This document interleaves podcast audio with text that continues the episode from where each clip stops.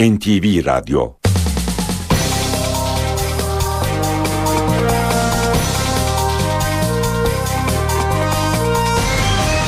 İşe giderken Mutlu sabahlar ben Aynur Altunkaş. Bugün 17 Nisan Çarşamba işe giderkenle karşınızdayız. Saat 9'a kadar Türkiye ve dünya gündemindeki gelişmeleri, gazete manşetlerini, spor haberlerini, piyasa verilerini, yol ve hava durumlarını aktaracağız. Önce gündemin öne çıkan başlıklarına bakalım. Sağlık çalışanları Gaziantep'te Doktor Ersin Arslan'ın bir hasta yakını tarafından öldürülmesinin yıl dönümü olması nedeniyle iş bırakma eyleminde. Bugün sadece acil servislerde hizmet verilecek.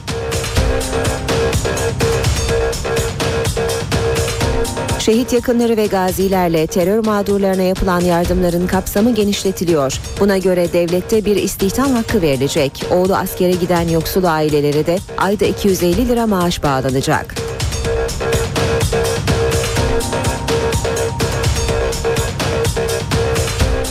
Bugün 8. Cumhurbaşkanı Turgut Özal'ın 20. ölüm yıl dönümü. Özal'a suikast iddiaları davasında zaman aşımına bir gün kala hazırlanan iddianame kabul edildi. İddianamenin tek şüphelisi emekli Tuğgeneral Levent Ersöz.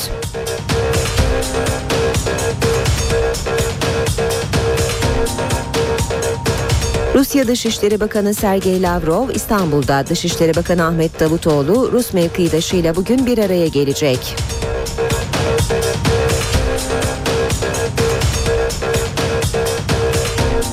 İngiltere eski başbakan Margaret Thatcher'a bugün veda edecek. Londra'daki cenaze törenine Türkiye'den Kültür ve Turizm Bakanı Ömer Çelik katılacak.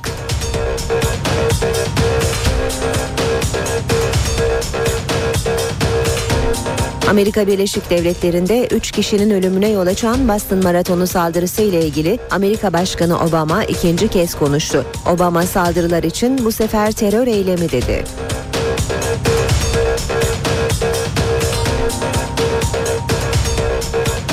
İran'da meydana gelen 7,8 büyüklüğündeki depremde ülkede ölen olmadığı duyuruldu. Depremin etkilediği ülkelerden Pakistan'da ise en az 34 kişinin öldüğü belirtiliyor.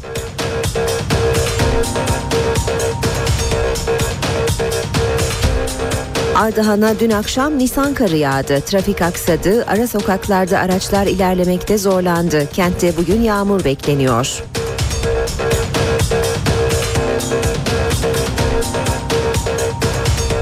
Mersin'in Anamur ilçesinde hortum tarım arazilerine zarar verdi. Mezitli'de ise dolu yüzünden çok sayıda küçükbaş hayvan telef oldu.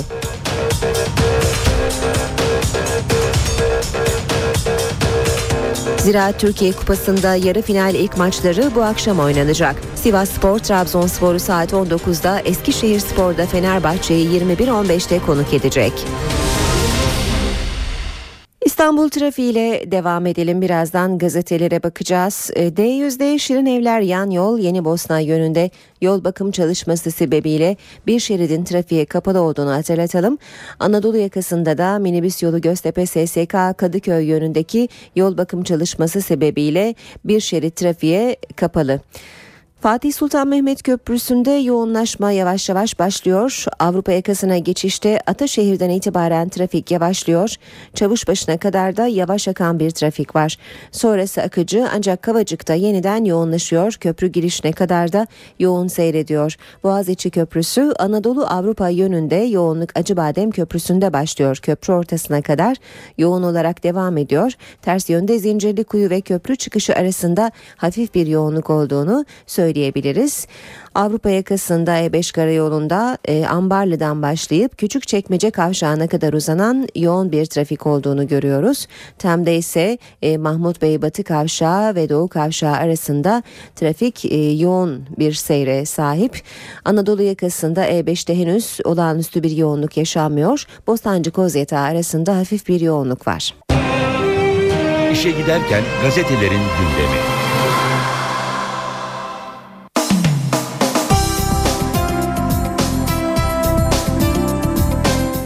Gazete, gazetelerde bugün Amerika'daki e, saldırıların yankıları, İran'daki deprem, e, varlık barışı ve grup toplantılarından çıkan mesajları ön planda görüyoruz. Milliyet gazetesi Boston Maratonu'ndan yeni bilgilerle manşette hızlı koşup kurtuldular diyor. Çifte bombayla kana bulanan Boston Maratonu'nda koşan iki Türk yarışı erken tamamladıkları için patlamadan kurtuldu. Amerika'nın Boston şehrinde dünyanın en eski maratonunu hedef alan bombalı saldırıyı kimin neden gerçekleştirdiği konusunda henüz bilgi yok. FBI çalışmalarını büyük gizlilik içinde sürdürüyor. 8 yaşındaki bir çocukla birlikte 3 kişinin öldüğü patlamada yaralı sayısı 176'yı bulurken bombaların düdüklü tencere içine yerleştirildiği ve çivilerle güçlendirildiği ortaya çıktı. Milliyetle devam ediyoruz yine. 130 milyar dolara eve dön çağrısı diyor Milliyet. Başbakan Yardımcısı Babacan Türklerin yurt dışındaki 130 milyar dolarını ülkeye çekmek için çalışma başlattıklarını açıkladı. Merkez faizde sürpriz yaptı. Merkez Bankası politika faizini %0,50 bas puanlık indirimle %5'e çekti. Piyasanın beklentilerinin üzerinde olan bu indirim büyümeyi destekleyici bir hamle olarak yorumlandı.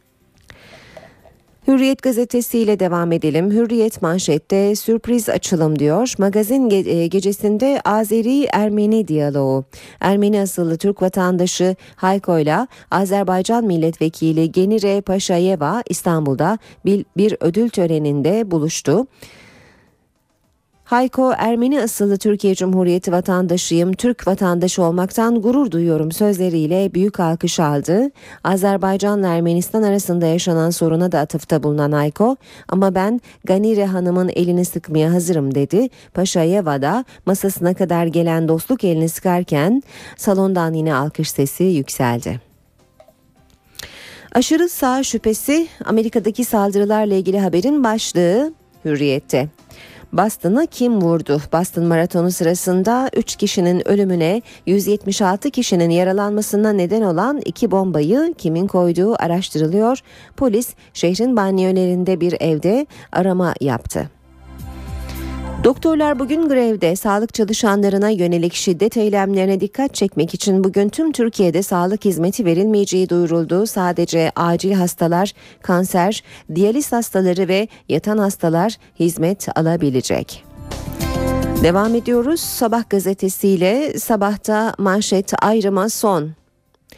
Sivil asker şehit ayrımı acısına Başbakan Erdoğan son verdi. Erdoğan şehitlerimiz nasıl ki bizim kutup yıldızımızsa onların aileleri de bizlere emanet diyerek yeni düzenlemeleri açıkladı. Buna göre sivil terör mağdurları ve yakınları bir istihdam hakkı elde edecek. Sosyal güvencesi olanlar da maaş hakkından yararlanacak. Görev şehidi asker yakınlarının iki, malullerinin bir istihdam hakkı olacak. Tüm şehit yakını ve gazilerin su elektrik ücretlerinde indirim indirim yapılacak diye devam ediyor yeni düzenlemeler.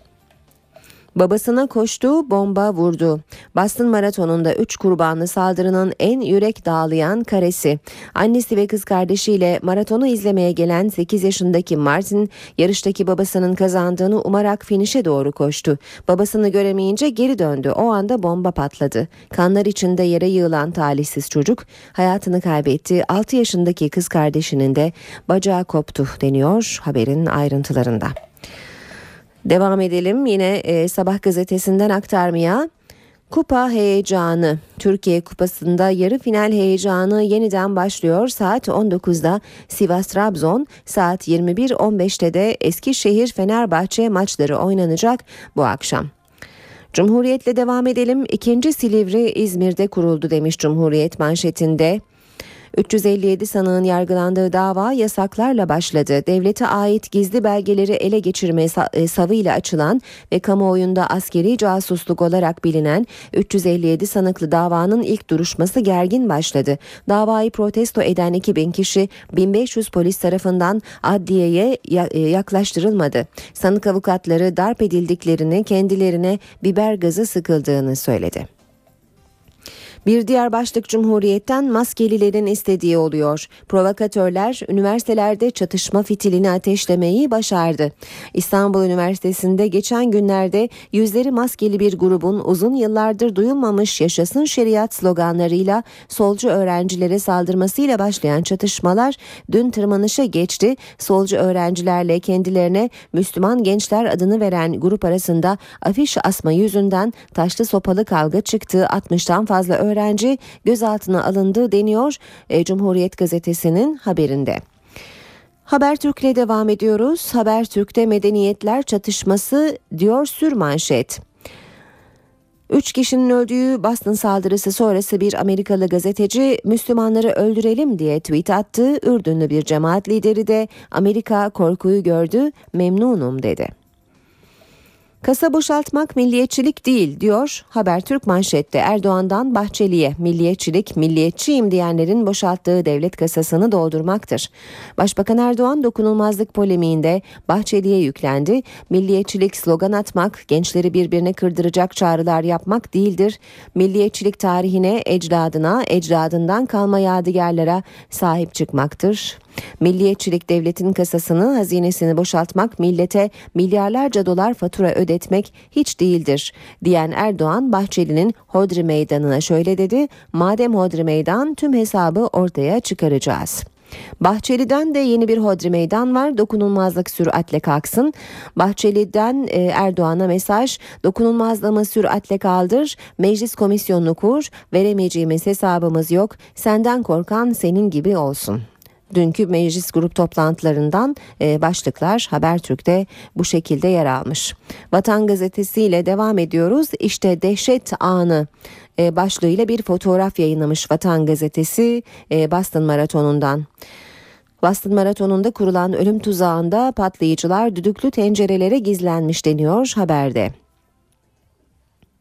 Bu canavarlığı Ali yapamaz. Kendisi de olayda yaralanan 20 yaşındaki Suudi Abdurrahim Ali Al-Harbi FBI tarafından hastanede sorgulandı. Evinde arama yapıldı ancak olayla bağlantısının olmadığı öne sürüldü. Arkadaşları o böyle bir canavarlık yapamaz dedi.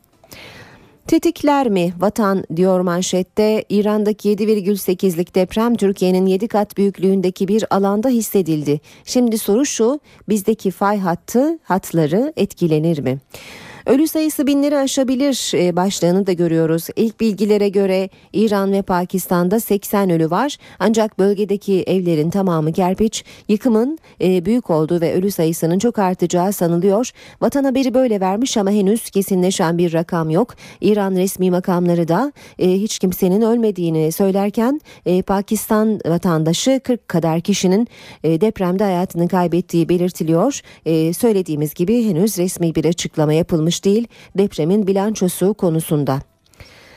Devam ediyoruz. E, vatandan yine bir başlık. Grup toplantılarından bu kez Kılıçdaroğlu'nun e, sözlerini aktaralım. Demokraside kimse şan, e, siyasi şantaj yapmaz. Kılıçdaroğlu Bahçeli eleştiri yaptı diye iktidar dönemini inceletici izliyor. Aklın başına yeni mi geldi? Kafana taş mı düştü? Bu siyasi şantaj izin vermeyeceğiz dedi CHP lideri Kılıçdaroğlu. Radikale bakalım. Sosyalistler bizi anlamıyor. Barış sürecini eleştiren sosyalistlere KCK yürütme konseyi Konseyi Başkanı Zübeyir Aydar'dan cevap. Bizi anlamamışlar. Barış'ın gelmesiyle sosyalistlere de ciddi bir iktidar perspektifi gelecek. Sosyalist arkadaşlar geniş baksalar görebilirler. Kürt sorunu çözülürse seçim barajı düşer. Parti ittifakları mümkün olur. İrili ufaklı sol sosyalist partileri barındıran bir iktidar kuvvetle muhtemeldir. Radikal'den yine devam edelim. Öcalan'ın sınır dışına çekilme talimatı verdiği mektup dün BDP'ye verildi. Kapalı zarftaki mektup bugün Kandil'e ulaşacak. Yeni Şafak'la devam ediyoruz. İkinci varlık barışı diyor Yeni Şafak manşette 130 milyar dolarlık davet. Türk iş adamlarının yurt dışındaki kayıtlı parasının 130 milyar dolar olduğunu açıklayan Başbakan Yardımcısı Ali Babacan, Maliye Bakanlığı ile görüşüyoruz. Yeniden varlık barışı benzeri bir uygulamayı düşünebiliriz dedi. Zamanda manşet Amerika failleri arıyor. Boston saldırısının ardından ülke alarmda demiş. Yine e, saldırı anını gösteren büyükçe bir fotoğrafı da görüyoruz haberde. Patlayıcıların düdüklü tencere içine yerleştirildiği ayrıntısını da okuruna duyurmuş. Zaman gazetesi bir diğer başlıkta ise altın sert düştü dalgalanma devam edecek deniyor. Akşam gazetesiyle bitirelim. Her şey dahil başkan tur demiş akşam manşette. Yerel seçime 11 ay kala gezi yarışı seçmenlerine kültür turizmi hizmeti veren belediyelerin rekabeti kızıştı. Kiralık otobüs şirketleri talebe yetişemiyor. Çoluğunu çocuğunu alan belediye sponsorlu her şey dahil tatile çıkıyor. Saat 7.21 işe giderken de gündemin ayrıntılarına bakmaya devam edelim. Terör örgütünün sınır dışına çıkması için güvenlik güçlerine talimat verildi iddialarına hükümet kanadından bir kez daha yalanlama geldi. Bu sefer iddiaları yanıtlayan isimse Adalet Bakanı Sadullah Ergin. Meclis Genel Kurulu'nda konuşan Ergin, burada sorumluluk hükümettedir ve güvenlik güçlerimizin ihtiyaç duyduğu anda bu talimatları verecek olan da siyaset kurumudur dedi. Böyle bir sözü kimse söylemedi. Güvenlik güçlerinin başbakanın ne söylediğini çok iyi biliyorum güvenlik güçlerinin yasalardan kaynaklı görev ve yetkileri konusunda Sayın Başbakanımız e, açıklamada bulunmuştur. Yurt dışına operasyon yapma yetkisi Türkiye Büyük Millet Meclisi tarafından hükümete verilmiştir. Hükümet de meclisten aldığı bu yetkiyi güvenlik güçlerine ciro etmektedir, vermektedir. İhtiyaç duyulduğu zeminlerde. Burada sorumluluk hükümettedir ve güvenlik güçlerimizin ihtiyaç duyduğu anda bu talimatları verecek olan da siyaset kurumudur. Bu anlamda güvenlik güçlerine herhangi bir sorumluluk doğrudan tevcih edilemez ifade etmiştir Sayın Başbakanımız. Partilerin grup toplantılarında öne çıkan tartışma konusu teröre çözüm arayışı süreci oldu. Hükümetle muhalefet arasında karşılıklı suçlamalar yaşandı. Bunlar ünvan avcısıdır. Bunlar para ve şöhret takipçisidir. Bunların derdi kanın durması değil. PKK'nın dağdan inerek Türkiye'yi esir almasıdır. MHP lideri Devlet Bahçeli'nin çözüm sürecine tepkisi sürüyor. Bahçeli çözüm sürecini akil insanlar üzerinden eleştirdi. Başbakan Recep Tayyip Erdoğan AK Parti grubuna seslenirken eleştirilere yanıt verdi. Akil insanlar gerçekten çok güzel çalışmalar ortaya koyuyorlar akil insanlar içerisinde olan tüm arkadaşlarımızın hepsinin bu toplumda bir karşılığı var. Sevindirici haberler geldikçe göreceksiniz. CHP'de, MHP'de o marjinal örgütler de yalnız kalacak, tarih karşısında mahcup olacaklardır. Çözüm süreci için kurulacak meclis komisyonu da gündeme geldi. Başbakan ve CHP lideri Kemal Kılıçdaroğlu birbirlerine yüklendi. Gelin araştırma komisyonu kuralım diyorlar. Biz tamam kuralım dediğimizde mızıkçılık yapıp misketlerini alıp oyunu bozan mızıkçı çocuklar gibi biz oynamıyoruz deyip kenara çekiliyorlar. Ey CHP hani araştırma komisyonu kurulsun istiyordunuz. Çözümün bir parçası olmayan takdir edersiniz ki sorunun parçasıdır. Senin başkanlık sistemi için yaptığın çalışmalara mı destek vereceğiz? Açıkça söyledik biz. Bu sorunu çözmek istiyorsan dürüst ve samimi olacaksın. BDP eş genel başkanı Gülten Kışanak da tartışmaya katıldı. CHP'ye sürece katılmaları çağrısında bulundu. CHP sürece katılmak istiyorsa biz buna hazırız. Katkı yapmaya, bilgi vermeye, önerilerimizi ortaklaştırmaya hazırız. CHP bu konuda kendisini sorgulamalı, tutumunu değiştirmeli.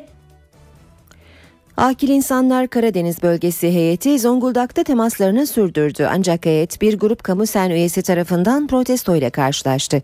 Akil İnsanlar Karadeniz grubu kentte sivil toplum örgütü temsilcileri ve kanaat önderleriyle bir araya geldi. Toplantı açılışında konuşan heyet başkanı Yusuf Şevki Hakkemez, hükümet adına hareket etmediklerini ve sivil kişiler olarak sürece destek verdiklerini söyledi. Akil İnsanlar heyeti Kara Elmas Gazeteciler Derneği'ni ziyareti sonrasında kamu sen üyesi bir grup tarafından protesto edildi. Heyet üyesi Bendevi döken protestoculara korkmayın bu milletin üniter yapısı devam edecek yanıtını verdi. İktidarın MHP'nin hükümet ortağı olduğu dönemi inceleyecek bir meclis komisyonu kurma girişimi siyasetin yeni tartışma konusu. O dönemin hesabını ver diye seslenen Başbakan'a MHP lideri veremeyecek hesabımız yok dedi. Tartışmaya CHP de dahil oldu. Sayın Başbakan bilmelisin ki senden korkan senin gibi olsun. Senden çekinen de senin gibi işbirlikçilikten sabıka yesin. Hodri meydan dedin. Tamam madem hodri meydan şimdi bütün bu hesabı kitabı her şeyi ortaya çıkaracağız. Millete bunları takdim edeceğiz. Sayın Bahçeli eleştiri yaptı diye AKP iktidarı şimdi şantaj yoluna başvuruyor. Aklın başına yeni mi geldi senin?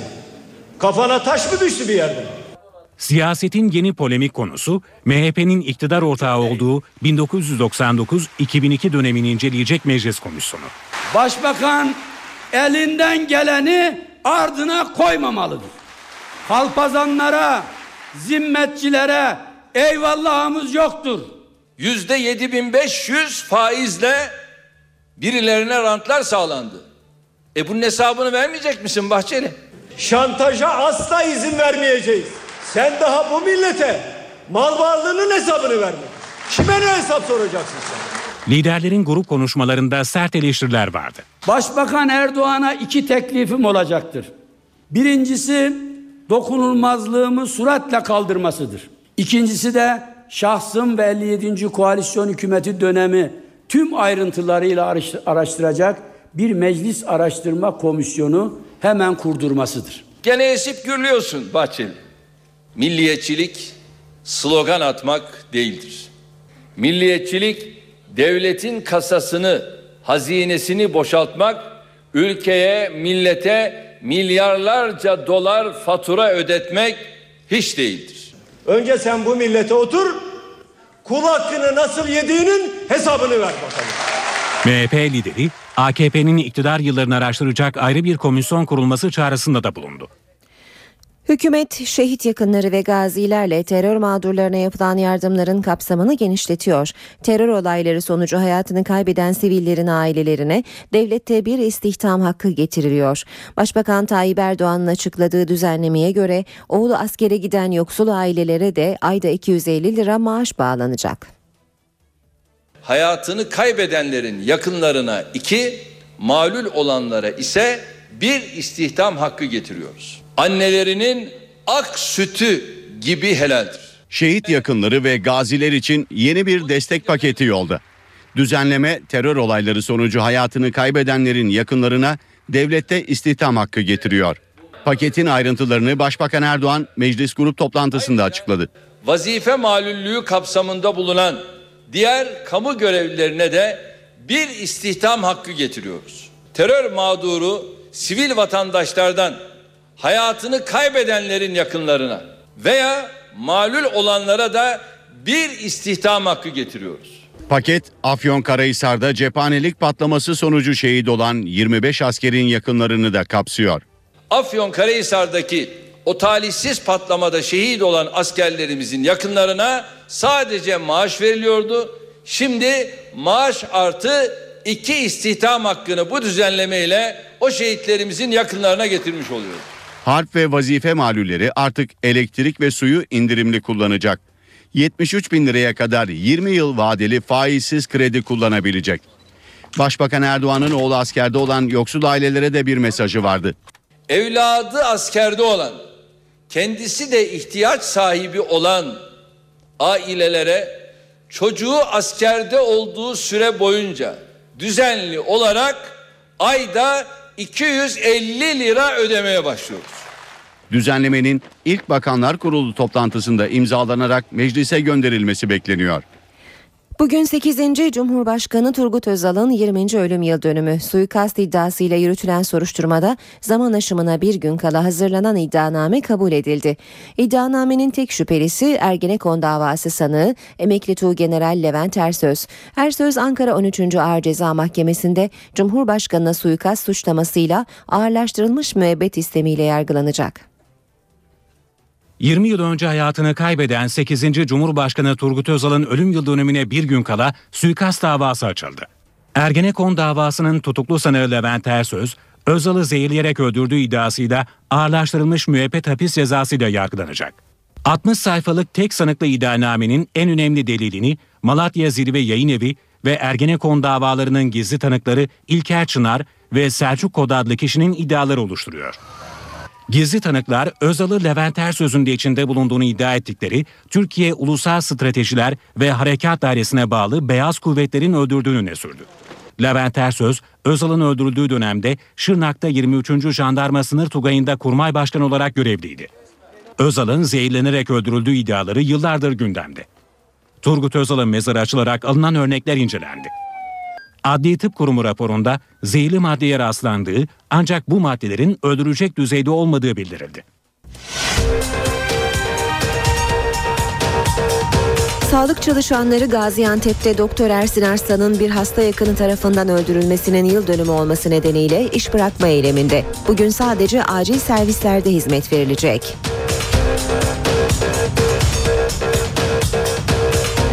Şehit yakınları ve gazilerle terör mağdurlarına yapılan yardımların kapsamı genişletiliyor. Buna göre devlette bir istihdam hakkı verilecek. Oğlu askere giden yoksul ailelere de ayda 250 lira maaş bağlanacak.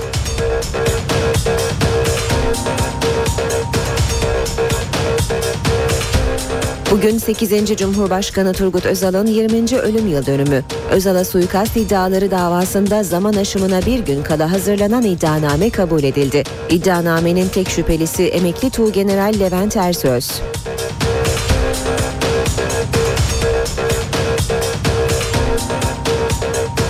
Rusya Dışişleri Bakanı Sergey Lavrov İstanbul'da Dışişleri Bakanı Ahmet Davutoğlu Rus mevkidaşıyla bugün bir araya gelecek.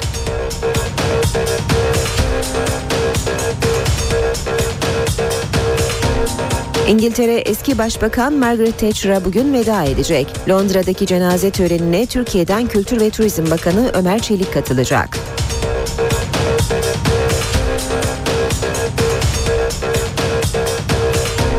Amerika Birleşik Devletleri'nde 3 kişinin ölümüne yol açan Boston Maratonu saldırısı ile ilgili Amerika Başkanı Obama ikinci kez konuştu. Obama saldırılar için bu sefer terör eylemi dedi.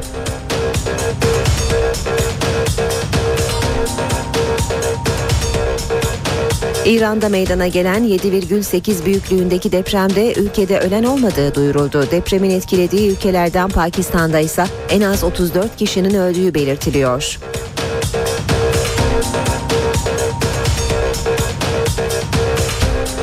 Ardahan'a dün akşam Nisan karı yağdı. Trafik aksadı, ara sokaklarda araçlar ilerlemekte zorlandı. Kentte bugün yağmur bekleniyor.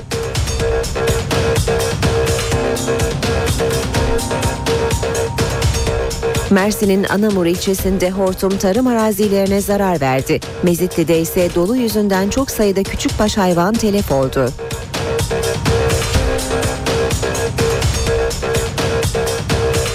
Ziraat Türkiye Kupası'nda yarı final ilk maçları bu akşam oynanacak. Sivas Spor Trabzonspor'u saat 19'da Eskişehir Spor'da Fenerbahçe'yi 21-15'te konuk edecek.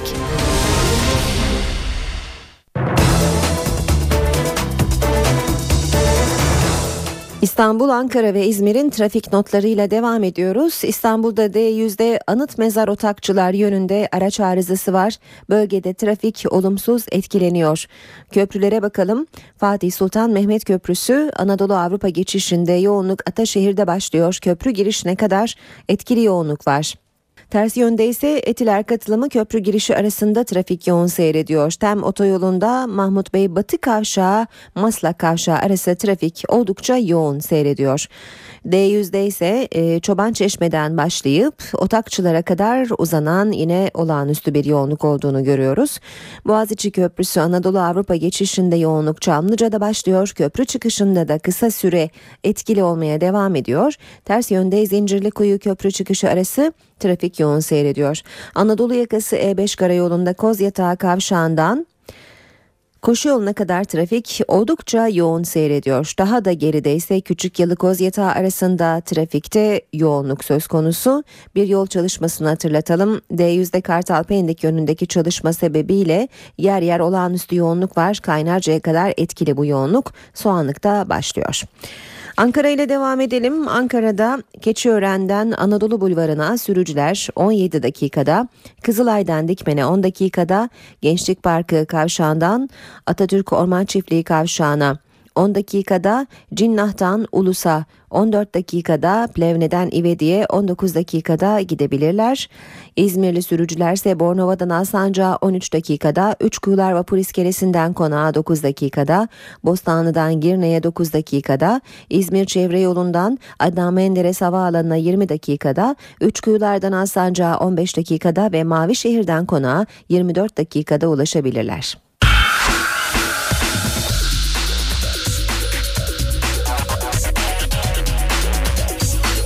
Spor sayfaları.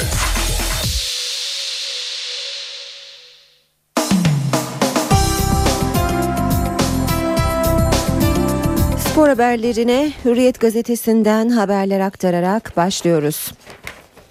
Samet Aybaba'yı görüyoruz Hürriyet'te ee, hemen ilk e, göze çarpan e, haber Beşiktaş'tan Loca'dakiler Aybaba'nın kızı saldırdı. Gülşen Aybaba ise babama ve bana küfrettiler diyor haberin başlığı İnönü'deki şişe olayının perde arkasını yazıyor Hürriyet gazetesi. Beşiktaş Antalya karşılaşmasındaki gerginliğin tarafları birbirlerini suçladılar. Kafasına locadan şişe atıldığı iddiaları Beşiktaş'ı karıştıran Gülşen Aybaba ağır hakarete uğradığını savunurken karşı cepheye tahrik edildiklerini öne sürdü.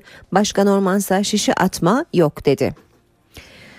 Şifo alkışlanıyor, ben ıs- ıslıklanıyorsam üzülürüm. Samet Aybaba Antalya spor maçında yaşananların kendisini bazı şeylerden soğuttuğunu belirtti. Bazı gruplar bana karşı çok ön yargılı dedi.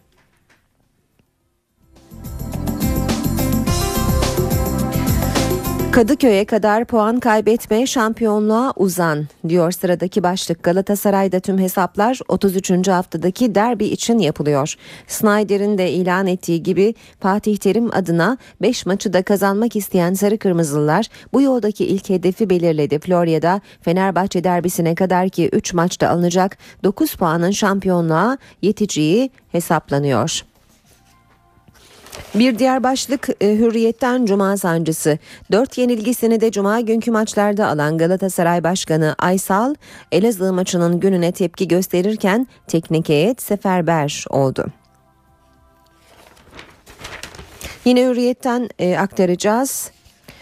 Sıradaki haber Alex ve Stoh'u bitiren sistem diyor e, başlıkta kocaman teknoloji harikası programla tüm oyuncularının sahada ne yaptığını görüyor. Fenerbahçe teknik ekibinin dilinden düşürmediği faydalı koşu mesafelerini özel bir sistemle ölçüyor. Brezilyalı yıldız Alex'in gönderilmesi ve Stoh'un takıma girememesinin ardında da işte bu verilerde sınıfta kalmaları var. Faydalı koşu tablolarından örnekler vermiş Hürriyet gazetesi haberde. Benfica'lılar benden nefret ediyor. Portekiz basını Raul Meireles mercek altına aldı. Fenerbahçe'nin yıldızının Benfica ile ilgili açıklamaları manşetlere çıktı. Raul Meireles'in sanırım taraftarı benden nefret ediyor sözlerine yer verildi. Yine hürriyetten okuyalım. Öyle bir maç ki sezona bedel Trabzonspor Avrupa bileti için Sivas Spor'la kritik bir sınav verecek. Tarihinin en kötü dönemini yaşayan Bordo Maviller elinde kalan tek hedef olan Türkiye Kupası'nı kaldırabilmek için işini sıkı tutuyor. Muhtemel 11'leri de e, veriyor Hürriyet gazetesi haberinde. Bu arada maçında e, Sivas Spor'la Trabzonspor arasında oynanacak e, Ziraat Türkiye Kupası maçında saat 19'da başlayacağını hatırlatalım. E, bu akşam bir başka karşılaşmada Fenerbahçe ile Eskişehir Spor arasında 21.15'te oynanacak. Milliyet Gazetesi ile devam ediyoruz. Spor haberleri aktarmaya. 16 milyon e, euro ve transfer yasağı. Çin'in Şangay Shenhua kulübü Drogba faturasını Galatasaray'dan istiyor. FIFA'ya başvuran kulüp Didier Drogba ile davasının Çin'de görülmesi gerektiğini iddia etti. Yetki itirazında bulundu. Shenhua bunun kabul edilmemesi durumunda yaklaşık 16 milyon euroluk bonservis bedeli talep ettiklerini ve azmettirici olmaktan dolayı Cimbom'a iki dönem transfer yasağı getirilmesi gerektiğini dile getirdiler. Emre rötar yaptı. Fenerbahçe'de ağrıları bir türlü geçmeyen milli oyuncudan gelen haberler moral bozdu. Emre'nin Gençler Birliği ve Kayseri Spor maçlarında da takımdaki yerini almasının şimdilik güç olduğu bildirildi. Hatırlatalım Zira Türkiye Kupası'nda bu akşam saat 19'da Sivas Spor Trabzonspor'la saat 21.15'te de Eskişehir Spor Fenerbahçe ile karşılaşacak. Bir diğer başlık milliyette Çılgın proje. Beşiktaş Teknik Direktörü Samet Aybaba Futbol Komitesi ile yaptığı görüşmede sezon sonunda İbrahim Toraman, Necip Olcay, Oğuzhan, Almeida ve Holosko haricindeki tüm oyuncuların satılık veya kiralık olarak gönderilebileceğini bildirdi. Devam ediyoruz. Milliyet gazetesinden aktarmaya tek seçenek olimpiyat. Türkiye 2020 Avrupa Şampiyonası'na talip olup olmayacağını 26 Nisan'a kadar netleştirmek zorunda. Yarı final ve final maçları için istenen 70 bin kişilik stat şartına uyan tek yerse İstanbul Olimpiyat Stadı. Devam ediyoruz. Milliyet gazetesinden aktarmaya Olcay Çakır tarih yazdı. Fenerbahçe kadın basketbol takımının genç yeteneği Olgan Çakır WNBA'de draft edilen ilk Türk olarak tarihe geçti. 20 yaşındaki oyuncunun genç yaşına rağmen elde ettiği başarılar zaten bu seviyenin habercisi gibiydi. Efes'in kader anı Euroleague çeyrek finalinde Olympiakos'a iki kez yenilerek turu zora sokan Anadolu Efes kaybederse eğleneceği karşılaşmayı bu kez evinde oynayacak. Abdi İpekçi Spor Salonu'nda saat 20'de başlayacak mücadeleyi NTV Spor'dan da izleyebilirsiniz. Böylece spor haberlerini geride bırakıyoruz. Gündeme yakından bakmaya devam edelim.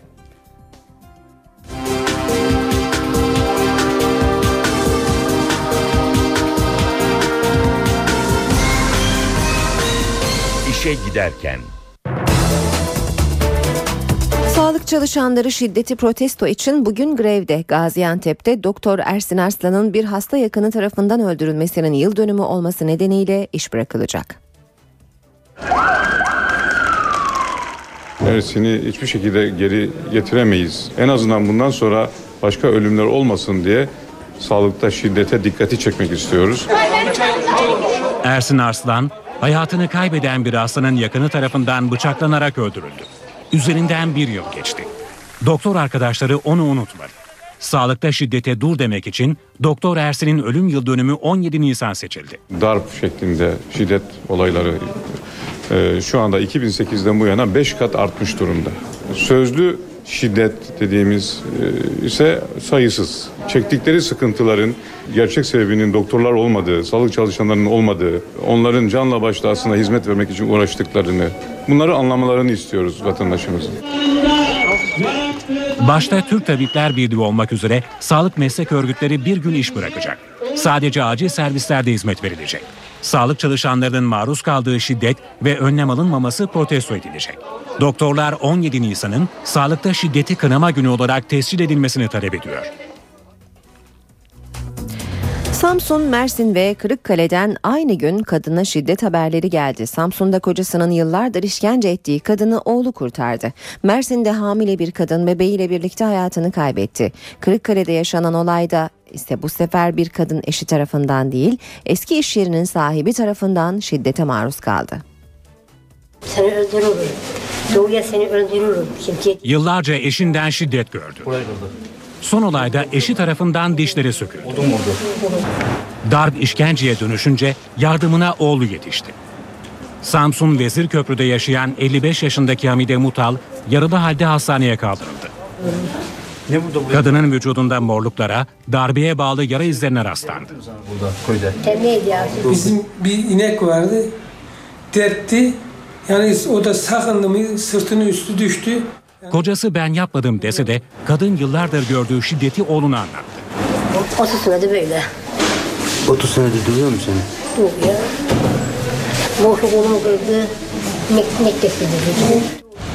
Jandarmanın gözaltına aldığı zanlı savcılık sorgusunun ardından serbest bırakıldı. Mersin'den ise cinayet haberi geldi.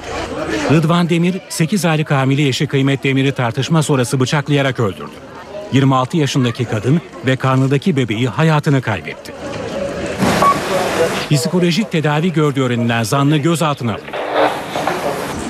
Kırıkkale'de de kadın cinayeti işlendi. 40 yaşındaki Birgül Dilek ayrıldığı iş yerinin sahibi tarafından av tüfeğiyle öldürüldü. Zanlı cinayet sonrası olay yerinden kaçtı. Demiryolu çalışanları dün iş bıraktı. Gerekçeleri demiryollarında özel sektör dönemini başlatabilecek kanun tasarısıydı. Demiryolu işçileri eylem yaptı, tren seferleri aksadı.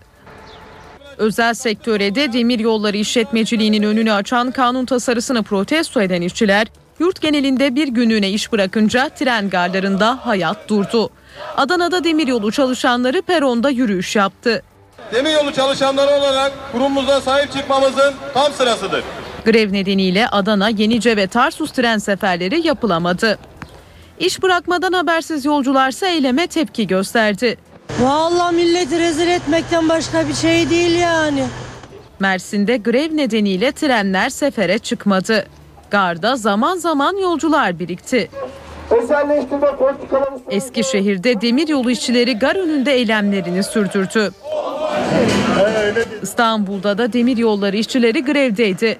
Haydarpaşa Garı'nda toplanan işçiler eylem yaparak tasarının çekilmesini istedi. Demiryolu trafik emniyetinin tehlikeye atılması ve kazaların artması anlamına gelmektedir. Devlet demir yollarının serbestleşmesi hakkındaki yasa tasarısının bu hafta genel kurulda görüşülmesi bekleniyor. Mersin'in Anamur ilçesinde hortum seraları yerle bir etti. Mezitli'de ise dolu yüzünden hayvan çiftlikleri yıkıldı. Mersin'de dolu ve hortum tarım arazilerine zarar verdi. Anamur'da seralar yerle bir oldu. Elektrik hatları zarar gördü, bazı evlerin çatıları uçtu. Erdemli'de meyveler dalında parçalandı. Yağmurdan sonra bir takırtı, tukultu, ondan sonra bir tolu işte görüyorsunuz işte zararları. Çırpmış meyve, eski yeni meyveden hiçbir şey kalmamış. Dolu yağışı arıcıları da etkiledi. Yüzlerce arı telef oldu. Kovanların üstüne vurduk ya ses yapınca kovan arılar içinden hep dışarı attı hep telef oldu. Mezitli ilçesinde şiddetli dolu 4 hayvan çiftliğini yıktı.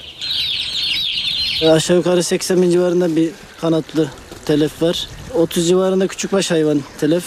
Antalya'da şehri göle çeviren sahnağın bilançosu ortaya çıktı. İtfaiyeye tam 1400 ihbar geldi. 150 personel yaklaşık 60 kişiyi bot ve dozer yardımıyla kurtardı. Ardahan'a Nisan karı yağdı. Ara sokaklarda araçlar ilerlemekte zorlandı. Akşam saatlerinde başlayan kar yağışı gece etkisini artırdı. Kent merkezi beyaza büründü. Ara sokaklar karla kaplandı. Zincir ve kar lastiği takılı olmayan araçlar güçlükle ilerledi. Kentte bugün yağmur bekleniyor. En yüksek hava sıcaklığı ise 7 derece olacak. İstanbul'dan Diyarbakır'a gitmek için hazırlanan bir yolcu uçağında uçakta bomba var yazılı bir not bulunması kısa süreli paniğe neden oldu. Yolcular boşaltıldıktan sonra uçakta yapılan aramada bir bulguya rastlanmadı. Uçak yolcular bindirildikten sonra 2.40'da Diyarbakır'a hareket etti. NTV Radyo Günaydın herkese bir kez daha birazdan Gökhan Abur'la son hava tahminlerini konuşacağız. Gündemin başlıklarını hatırlayalım önce. Sağlık çalışanları Gaziantep'te Doktor Ersin Arslan'ın bir hasta yakını tarafından öldürülmesinin yıl dönümü olması nedeniyle iş bırakma eyleminde. Bugün sadece acil servislerde hizmet verilecek.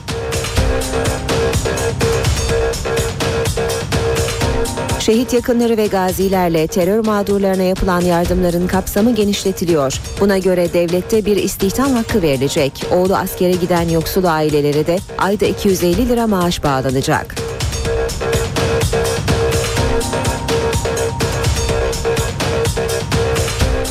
Bugün 8. Cumhurbaşkanı Turgut Özal'ın 20. ölüm yıl dönümü. Özal'a suikast iddiaları davasında zaman aşımına bir gün kala hazırlanan iddianame kabul edildi. İddianamenin tek şüphelisi emekli Tuğgeneral Levent Ersöz.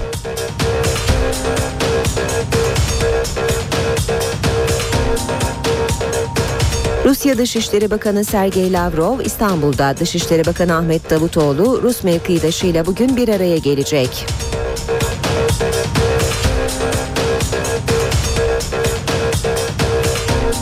İngiltere eski başbakan Margaret Thatcher'a bugün veda edecek. Londra'daki cenaze törenine Türkiye'den Kültür ve Turizm Bakanı Ömer Çelik katılacak.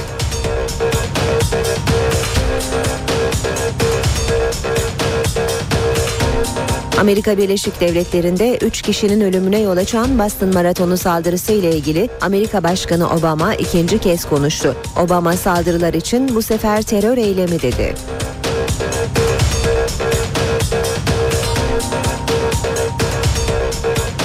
İran'da meydana gelen 7,8 büyüklüğündeki depremde ülkede ölen olmadığı duyuruldu. Depremin etkilediği ülkelerden Pakistan'da ise en az 34 kişinin öldüğü belirtiliyor.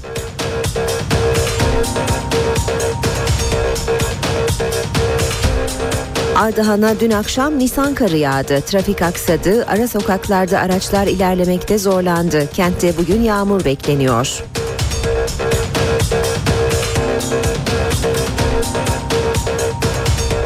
Mersin'in Anamur ilçesinde hortum tarım arazilerine zarar verdi. Mezitli'de ise dolu yüzünden çok sayıda küçükbaş hayvan telef oldu.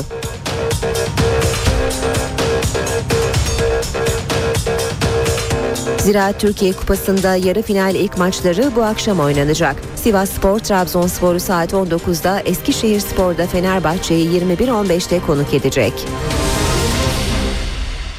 Hava durumu için Gökhan Abur yanımızda. Günaydın Sayın Abur. Günaydın. Nisan'da görmeye pek alışık olmadığımız hava olayları var. Ardahan'da kar yağdı, Mersin'de hortum ve dolu vardı. Batı'da da hava çok soğuk. Ben hatırlıyorum yıllar önce Nisan'da İstanbul'a kar yağmıştı. E, bugünlerde enteresan hava olayları var neler söylersiniz? Evet meteorolojik e, elemanlar içinde en önemlisi sıcaklıktır. Sıcaklığın ani değişimi bu beklediğimiz şekildeki olayları hep getire gelir. E, o bakımdan e, Akdeniz bir hayli ısınmıştı. Akdeniz'in ısınmasına bağlı olarak da özellikle e, kararsızlık oldukça kuvvetliydi. O nedenle e, bir gün önce Antalya ve civarında kuvvetli dolu yağışı ve sağanaklar su baskınına sebep olurken günde Anamur'da, Mersin'de hortum ve dolu yağışları yine etkili oldu. Bugün e, biz yine özellikle Adana, Gaziantep bölgesinde ve Güneydoğu'da yer yer kuvvetli sağanak geçişleri bekliyoruz. Öğle saatlerine ve akşam saatlerine doğru etkisini arttıracak. Karadeniz'de yağışlar aralıklarla etkili olacak ve özellikle Samsun açıklarında bugün Poyraz yönlü kuvvetli bir rüzgar var ki zaman zaman fırtına şeklinde esecek bu rüzgar ve Samsun'dan başlayarak Artvin'e kadar olan bölgedeki yağışların bugün kuvvetlenmesini bekliyoruz. Batıda yağışlar şimdilik etkisini kaybetti. Ama gün içinde sert esecek kuzeyli rüzgarlardan dolayı ki bu rüzgarlar Marmara'da ve Kuzey Ege'de yer yer Karayel ve Poyraz şeklinde esecek ama Güney Ege'de yine Bodrum açıklarında fırtına şeklinde olmasa da kuvvetli Karayel yine bölgeyi etkilemeye devam edecek. Evet bugün için yağışların kuvvetli olduğu yerleri söylemiştim ama yarın Akdeniz'de yağışlar yeniden kuvvetleniyor. İç Anadolu ve Doğu'daki yağışlar da aralıklarla devam edecek. Cuma günü Akdeniz ve Doğu'daki yağışlar aralıklarla devam ederken bu kez Burdur, Denizli, Uşak, Afyonkarahisar arasındaki bölgede bir yerde göller bölgesiyle İç Ege'de kuvvetli sağanak olmasını bekliyoruz. Bu sağanaklar içinde gereken uyarıları yarından itibaren sizlere tekrar duyurmaya çalışacağız. Evet İstanbul'da şu anda hava genellikle e, parçalı bulutlu olmaya doğru gidiyor. Çünkü giderek hava açacak ama serin. Sıcaklık e, şu an itibariyle son yapılan ölçümlerde İstanbul'da 9 derece ama 20 kilometre hızla esen e, karayelden dolayı hissedilen sıcaklık daha düşük. Özellikle İstanbul'un Maslak gibi, Sarıyer gibi boğaza yakın olan bölgelerinde hissedilen sıcaklık daha da düşük. Bu serin hava etkisini hafta boyu sürdürmeye devam edecek. Ankara'da şu an itibariyle çok bulutlu bir hava var. Kısa süreli yağış geçişleri bekliyoruz. Beklediğimiz en yüksek sıcaklık 12 derece olacak. İzmir'de ise hava açacak. Açık az bulutlu bir hava bekliyoruz. Ama rüzgar sert. O bakımdan sıcaklık gündüz 16, gece ise 8 dereceler civarında olacak. Evet. Evet bizleri bekleyen koşullar genelde bugün ve önümüzdeki günlerde böyle. Gökhan Abur teşekkür ediyoruz. Şimdi İstanbul, Ankara ve İzmir'in trafiğine bakalım. İstanbul'da D100'de Şirin Evler İncirli yönünde bir araç arızası var. Yine D100'de Anıt Mezar Otakçılar yönünde kalan bir araç da bölgedeki trafiği olumsuz etkiliyor. Boğaziçi Köprüsü Anadolu Avrupa yönünde yoğunluk Çamlıca'da başlayıp köprü ortasına kadar devam ediyor. Ters yönde Zincirlikuyu köprü çıkışı arası trafik yoğun seyrediyor. Fatih Sultan Mehmet Köprüsü Anadolu Avrupa yönünde yoğunluk Kozyatağı itibarıyla etkili ve köprü girişine kadar da yer yer hafif olarak açılsa bile yine yoğun olarak devam ediyor. Ters yönde ise Fatih Sultan Mehmet Köprüsü'nde gişeler yönün e, gişelerde başlayan bir trafik var. Köprü çıkışında da kısa süre etkili oluyor bu trafik. D100'de Çoban Çeşme itibarıyla Otakçılara kadar trafik yoğun seyrediyor. Tem otoyolunda ise Mahmut Bey Doğu Kavşağı Maslak Kavşağı arası trafik yoğun ilerliyor. O3'te Mahmut Bey Doğu Kavşağı hal arası çift yönlü yoğunluğa sahip. Devamında ise hal anıt mezar arasında trafik yoğun ilerliyor. D D100'de yine e, Ambarlı'da başlayıp Küçükçekmece kavşağına uzanan çok yoğun bir trafik var. Anadolu yakasında E5 karayolunda e, Koz Yatağı'ndan sonra Kadıköy'e kadar trafik oldukça yoğun. Koz Yatağı Bostancı arasında da çift yönlü bir e, yoğunluk olduğunu söyleyebiliriz. Kartal Kavşağı'na yaklaşırken de trafik yavaşlıyor. Ankara'da Plevne İvedik arasında sürücüler 24 dakika, Keçiören Anadolu Bulvarı arasında 20 dakika, Kızılay Dikmen arasında 11 dakika, Gençlik Parkı Atatürk Orman Çiftliği arasında 13 dakika, Cinnah Caddesi Ulus arasında da 16 dakika süreyle seyahat edebilirler. İzmir'de sürücüler Bostanlı'dan Girne Bulvarı'na 9 dakikada, Bornova'dan Alsancak'a 15 dakikada, Üçkuyular'dan Konağa 8 dakikada ve Mavişehir'den Konağa 26 dakikada ulaşabilirler. İşe giderken gazetelerin gündemi.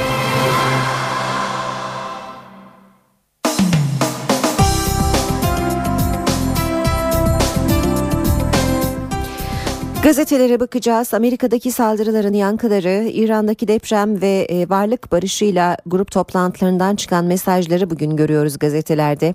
Milliyet gazetesi hızlı koşup kurtuldular demiş manşette. Çifte bombayla kana bulanan Boston Maratonu'nda koşan iki Türk yarışı erken tamamladıkları için patlamadan kurtuldu. Amerika'nın Boston şehrinde dünyanın en eski maratonunu hedef alan bombalı saldırıyı kimin neden gerçekleştirdiği konusunda henüz bilgi yok. FBI çalışanlarını büyük e, FBI çalışmalarını büyük gizlilik içinde sürdürüyor. 8 yaşındaki bir çocukla birlikte 3 kişinin öldüğü patlamada yaralı sayısı 176'yı bulurken bombaların düdüklü tencere içine yerleştirildiği ve çivilerle güçlendirildiği ortaya çıktı. Haberi Zaman Gazetesi de manşette vermiş. Boston saldırısının ardından ülke alarmda Amerika failleri arıyor deniyor haberin başlığında. New York, Washington ve Los Angeles gibi şehirlerde güvenlik tedbirleri alındığı e, belirtiliyor. Patlayıcıların düdüklü tencere içine yerleştirilmiş olduğu bilgisini de yine okurlara aktarıyor Zaman Gazetesi.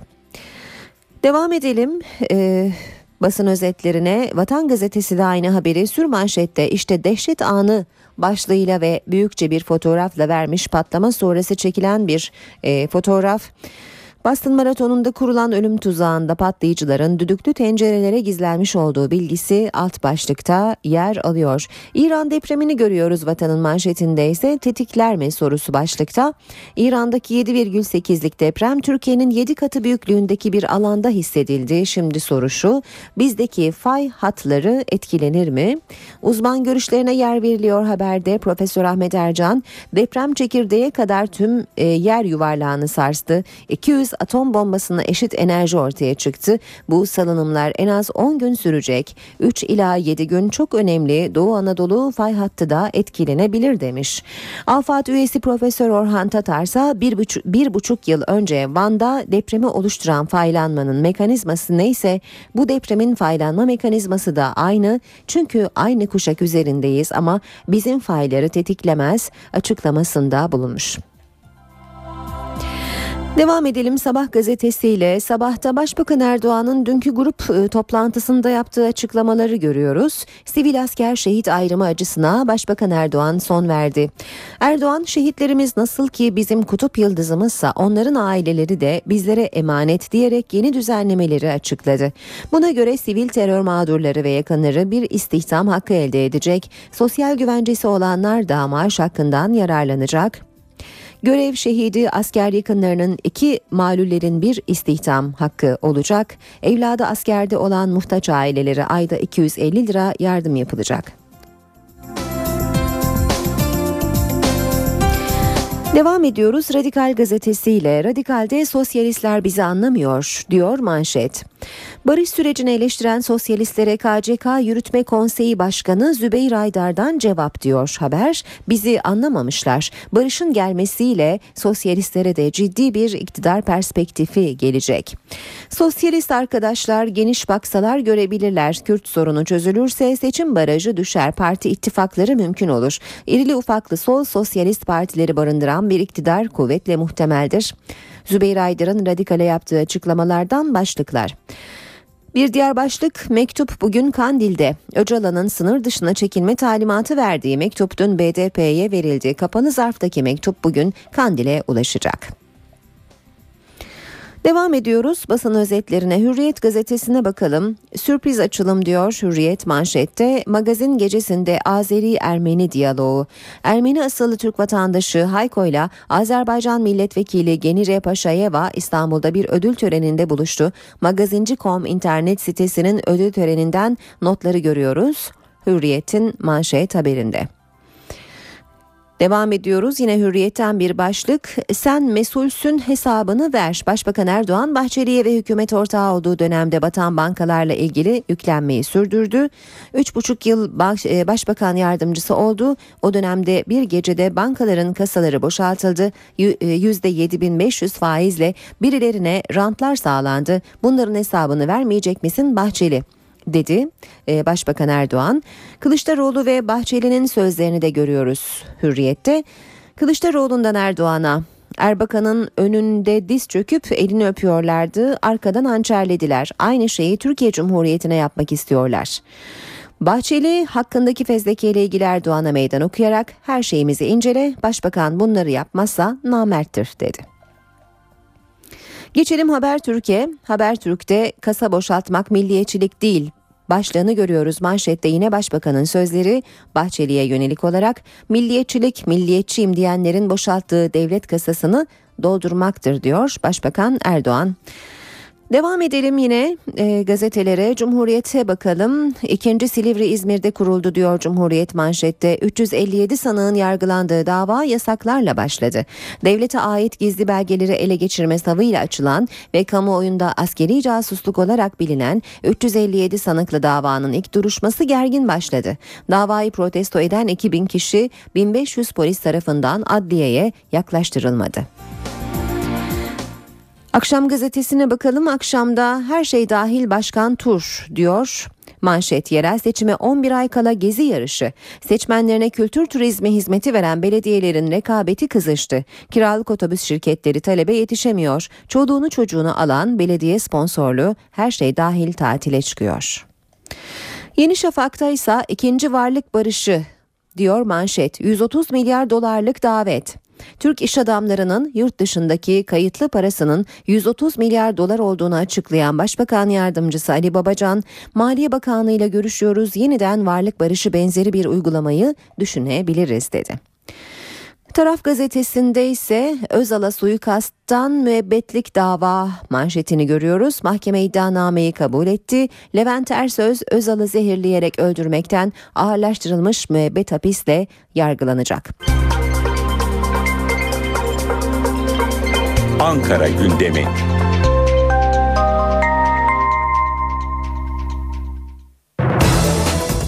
Saat 8.22'yi gösterirken işe giderkenin bu bölümünde başkente geçeceğiz. Karşımızda NTV Ankara muhabirlerinden Özden Erkuş olacak. Özden günaydın. Günaydın Aynur. Bugünün konu başlıklarından biri 8. Cumhurbaşkanı Turgut Özal. Bugün Özal'ın 20. yıl dönümü, ölüm yıl dönümü e, yanı sıra da Özal'ın ölümüne ilişkin soruşturmada hazırlanan iddianame kabul edildi. Özden e, iddianamede neler var e, diye sorarak başlayalım. Hemen hatırlatalım 20. ölüm yıl dönümü Turgut Özal'ın 8. Cumhurbaşkanı'nın bugün İstanbul başında mezarı başında İstanbul'da mezarının başında anılacak ama bambaşka bir iddiayla zaten Turgut Özal uzun süredir gündemdeydi. O da öldürüldüğü iddiası ve bu iddia dün ölüm yıldönümüne bir gün kala yargıya taşındı. Mahkeme sürecine taşındı artık ve Özal'ın öldürüldüğü iddiasıyla suikast davası açıldı. Ergenekon davasının tutuklu sanığı Levent Ersöz Özal'ı zehirleyerek öldürdüğü iddiasıyla ağırlaştırılmış müebbet hapis cezasıyla yargılanacak. 60 sayfalık tek sanıklı bir iddianame en önemli delil ise Malatya Zirve Yayın Evi ve Ergenekon davalarının gizli tanıkları İlker Çınar ve Selçuk Kod kişinin iddialarından oluşuyor. Gizli tanıklar Özal'ı Levent Ersöz'ün de içinde bulunduğunu iddia ettikleri Türkiye Ulusal Stratejiler ve Harekat Dairesi'ne bağlı beyaz kuvvetlerin öldürdüğünü öne sürmüştü. Ancak iddiaların somut bir delille dayandırılmadığını hatırlatmak gerekir. Levent Ersöz Özal'ın öldürüldüğü dönemde Şırnak'ta 23. Jandarma Sınıf Tugayı'nda kurmay başkanı olarak görev yapıyordu. Ergenekon'un tutuklu sanığı Levent Ersöz. Bu noktada şunu da hatırlatmak gerekir. Daha önce soruşturma safhasında e, Özal'ın vücut dokuları üzerinde Adli Tıp Kurumu tarafından yapılan incelemelerde merhum Cumhurbaşkanı'nın zehirlenerek öldürüldüğüne ilişkin kanıt bulunamadığı açıklanmıştı. Ancak e, artık e, iddianame kabul edildi ve dava süreci başladı. Bundan sonra bu dava dikkatle takip edilecek Aynur. Evet peki geçelim bugünün gündemine. Gündemde neler var Özden? Gündemde uzun süreden bu yana olduğu gibi yine çözüm süreci en sıcak başlık olarak görünüyor. Bugün sürecin konuşulacağı adreslerden biri AK Parti Genel Merkezi olacak. Başbakan Recep Tayyip Erdoğan Partisi'nin İstanbul milletvekilleriyle bir araya gelecek toplantıda milletvekillerine çözüm süreci anlatılacak ve görüşler alınacak. Daha önce benzer toplantılar bölge bazında yapılmıştı. Başbakan Erdoğan bölge bölge milletvekillerini ve AK Parti yöneticilerini genel merkeze toplamış ve çözüm sürecine ilişkin görüşlerini onlara aktarmış ve bu görüşlerin halka aktarılmasını istemişti. Bu toplantılarda aynı zamanda yaklaşmakta olan yerel seçim süreci de konuşulmuştu. Bugün İstanbul milletvekilleri genel merkezde olacak ve Başbakan Erdoğan'la yine çözüm süreci konuşulacak ve biraz da yerel seçimlere ilişkin hazırlıklar ele alınacak. Bunun dışında 23 Nisan artık yaklaşıyor. Kutlamalar için geri sayım başlıyor ve bu bağlamda yabancı çocuklar da kutlamalar için Ankara'ya gelmeye başladılar. Ankara yabancı öğrenci temsilcilerini bugün ağırlayacak. En üst düzeyde ağırlayacak yabancı öğrenciler Ankara'da devletin zirvesiyle tanışma fırsatı bulacaklar. Cumhurbaşkanı Abdullah Gül, Meclis Başkanı Cemil Çiçek ve Başbakan Erdoğan öğrencileri makamlarında kabul edecekler. Renkli görüntülerin yaşanacağını tahmin ediyoruz.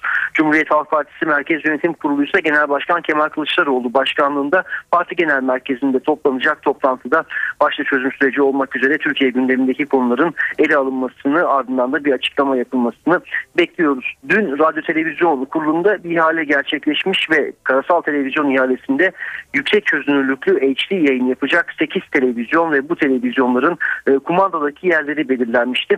Rütük'te bugün ikinci bir ihale daha düzenlenecek. Bu, bu kez ikinci ihalede 11 standart çözünürlüklü yayın tekniğiyle genel türde ulusal televizyon yayın lisansı için e, firmalar teklif verecekler. Dikkatle takip edilecek bu ihalede.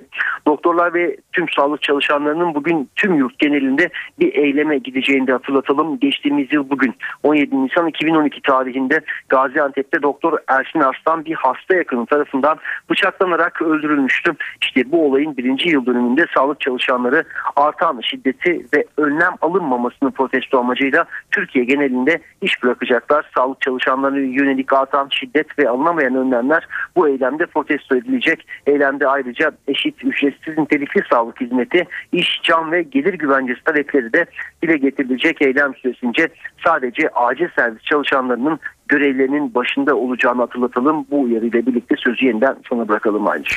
Özden Erkuş teşekkür ediyoruz. Kolay gelsin. Biz gündemdeki diğer gelişmelerle devam edelim. Balyoz davasındaki sahte delil tartışması yeniden gündemde. Balyoz sanığının açtığı davada Microsoft'tan yazı geldi. Microsoft açıklamasında balyoz metnindeki yazı karakterini 2007'de piyasaya sürdüklerini belirtti. Ancak balyoz planının tarihi 2003.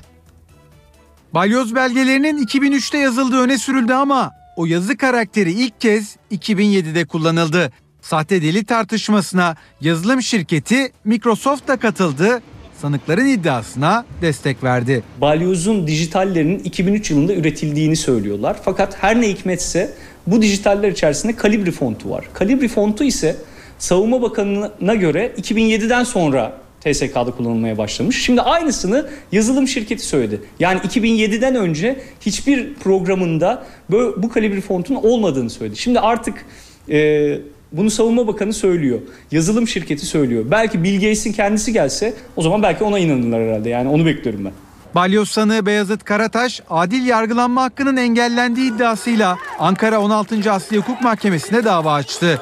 2003'teki darbe planı olduğu söylenen belge Microsoft'a yollandı. Yazı karakteri soruldu.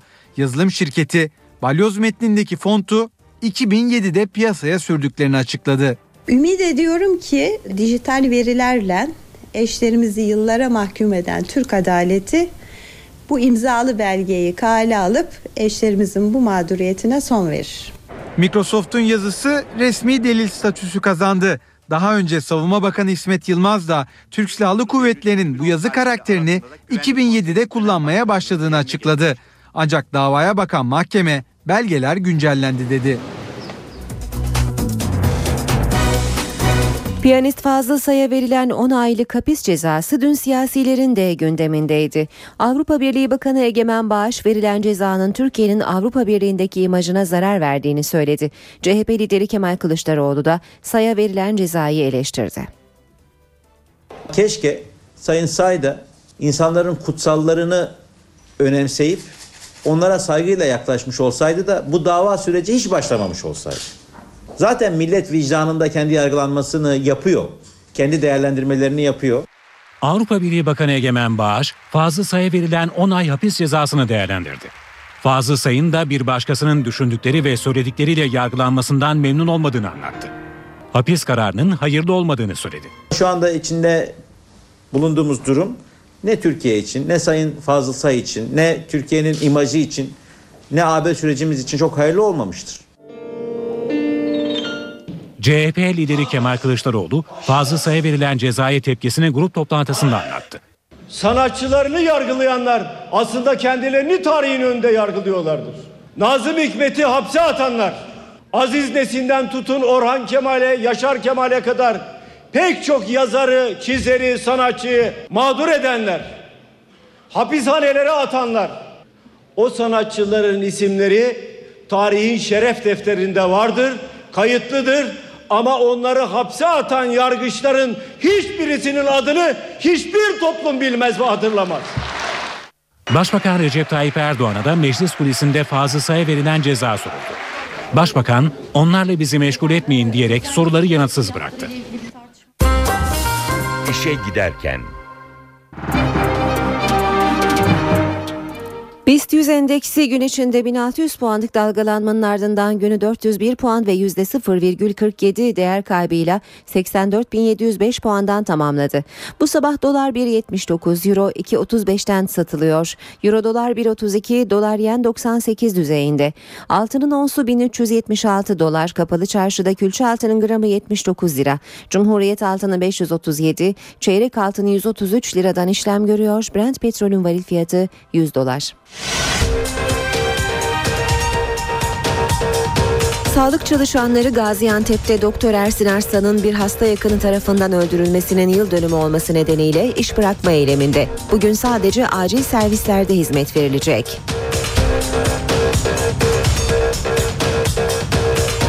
Şehit yakınları ve gazilerle terör mağdurlarına yapılan yardımların kapsamı genişletiliyor. Buna göre devlette bir istihdam hakkı verilecek. Oğlu askere giden yoksul ailelere de ayda 250 lira maaş bağlanacak.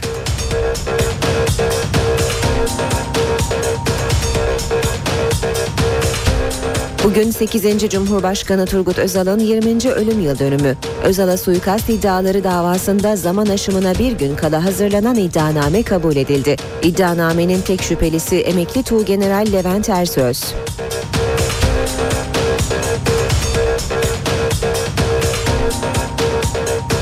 Rusya Dışişleri Bakanı Sergey Lavrov İstanbul'da Dışişleri Bakanı Ahmet Davutoğlu Rus mevkidaşıyla bugün bir araya gelecek.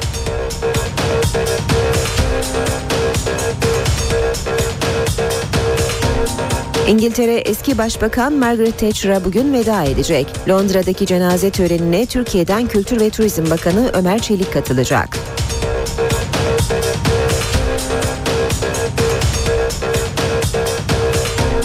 Amerika Birleşik Devletleri'nde 3 kişinin ölümüne yol açan Boston Maratonu saldırısı ile ilgili Amerika Başkanı Obama ikinci kez konuştu. Obama saldırılar için bu sefer terör eylemi dedi.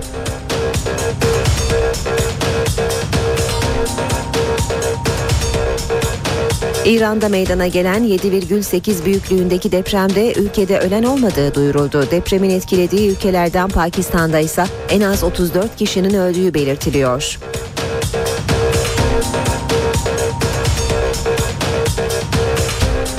Ardahan'a dün akşam Nisan karı yağdı. Trafik aksadı, ara sokaklarda araçlar ilerlemekte zorlandı. Kentte bugün yağmur bekleniyor.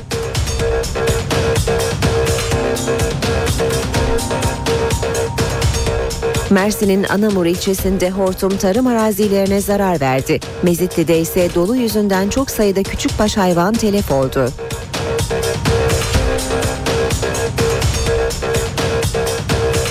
Ziraat Türkiye Kupası'nda yarı final ilk maçları bu akşam oynanacak. Sivas Spor Trabzonspor'u saat 19'da Eskişehir Spor'da Fenerbahçe'yi 21.15'te konuk edecek.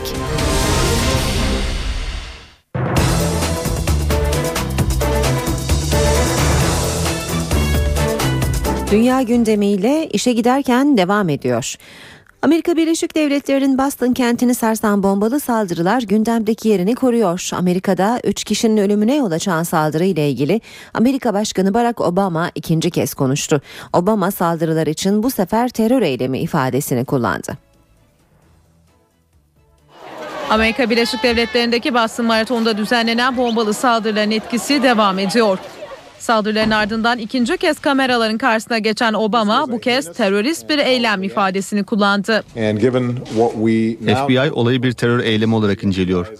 Masum sivilleri hedef alan her türlü bombalama bir terör eylemidir. Ancak saldırıyı kimin ve neden düzenlediğini hala bilmiyoruz. Terörist bir grubun eylemi mi, iç ya da dış kaynaklı mı, yoksa tek bir cani ruhlu kişinin eseri mi henüz bilemiyoruz. İç Güvenlik Bakanı Napolitano ise saldırıyı daha büyük bir komplonun parçası olarak görmediklerini açıkladı.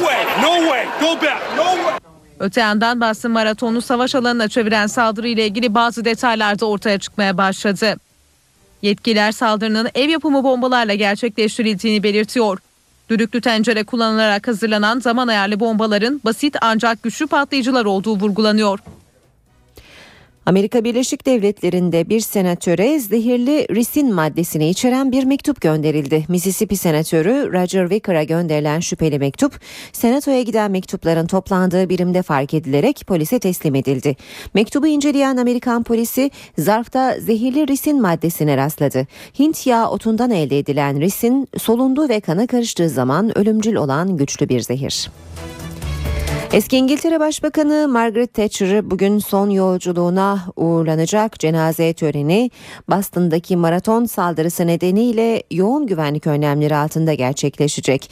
Türkiye'den Kültür ve Turizm Bakanı Ömer Çelik tören için Londra'da. İngiltere Demir Lady'ye veda ediyor. İngiltere'yi 11 yıl aralıksız yöneten eski başbakan Margaret Thatcher bugün son yolculuğuna uğurlanacak. 2000'den fazla davetlinin katılacağı tören öncesi Thatcher'ın cenazesi İngiliz parlamentosu içerisindeki Aziz Meryem Kilisesi'ne getirildi. Cenaze sabah saatlerinde buradan törenin düzenleneceği Aziz Paul Katedrali'ne taşınacak. Dünya basının yakından takip edeceği törene İngiltere Kraliçesi 2. Elizabeth başta olmak üzere çok sayıda üst düzey davetli katılacak. Türkiye'yi Kültür ve Turizm Bakanı Ömer Çelik temsil ediyor. Boston'daki saldırının ardından cenaze töreni için olağanüstü güvenlik önlemleri alındı. 4000 polis cenaze boyunca görevde olacak. Thatcher masraf olmaması için devlet töreni istememişti ancak yine de yapılacak törenin maliyetinin 10 milyon sterlini bulacağı belirtiliyor. İran 7,8 büyüklüğündeki depremle sarsıldı. Depremin merkez üssü İran-Pakistan sınırı. Deprem İran'ın tamamının yanı sıra Pakistan, Afganistan, Hindistan, Suudi Arabistan ve diğer körfez ülkelerinde de hissedildi. İran Devlet Televizyonu önce depremde 40 kişinin öldüğünü duyurdu. Ardından depremde ölen olmadığı 27 yaralı olduğu açıklandı. Sınırın Pakistan tarafında ise bin kadar binanın yıkıldığı ve en az 34 kişinin öldüğü belirtiliyor. Chavez sonrası Venezuela bir türlü durulmuyor. Devlet başkanlığı seçim sonuçlarının hileli olduğunu iddia eden muhalifler sokakta. Çıkan olaylarda 7 kişi öldü, 61 kişi yaralandı, 135 kişi de tutuklandı. Tencere ve tavalarla yapılan bu protestoların nedeni Venezuela'nın yeni seçilen lideri. Seçimleri kıl payı farkla kazanan Nicolas Maduro muhalefetten yoğun tepki görüyor. Özellikle öğrenciler Maduro'nun zaferinin hileli olduğunu iddia ediyor. Ancak protestocular polisin sert müdahalesiyle karşılaşıyor. Televizyonda açıklanan sonuçlar yalan. Seçimi muhalefetin kazandığını herkes biliyor. Cuma günü başkanlık yemini etmeye hazırlanan Maduro ise rakibi Capriles'e çoğunluğun kararına saygı duy dedi taraftarlarına sükunet çağrısı yaptı. Tencereli protestolar gürültüden başka bir şey değil. Nefret eden nefreti bulur. Seçimi kaybeden sorumsuz aday da bu nefreti körüklüyor. Oyların %49'unu alan muhalif lider Enrique Capriles ise rakibine sert mesajlar gönderdi. Kimse bana çoğunluğun kararına saygı duy demesin. Çünkü ortada bir çoğunluk değil, ikiye bölünmüş bir ülke var. Capriles Chavez rejiminin Venezuela'yı yıkıma götürdüğünü, sadece küçük bir zümrenin bu sistemden faydalandığını savunuyor. Bu haberle işe giderken sona eriyor. Ben Aynur Altunkaş. Saat başında gelişmelerle yeniden buluşmak üzere. Hoşçakalın. NTV Radyo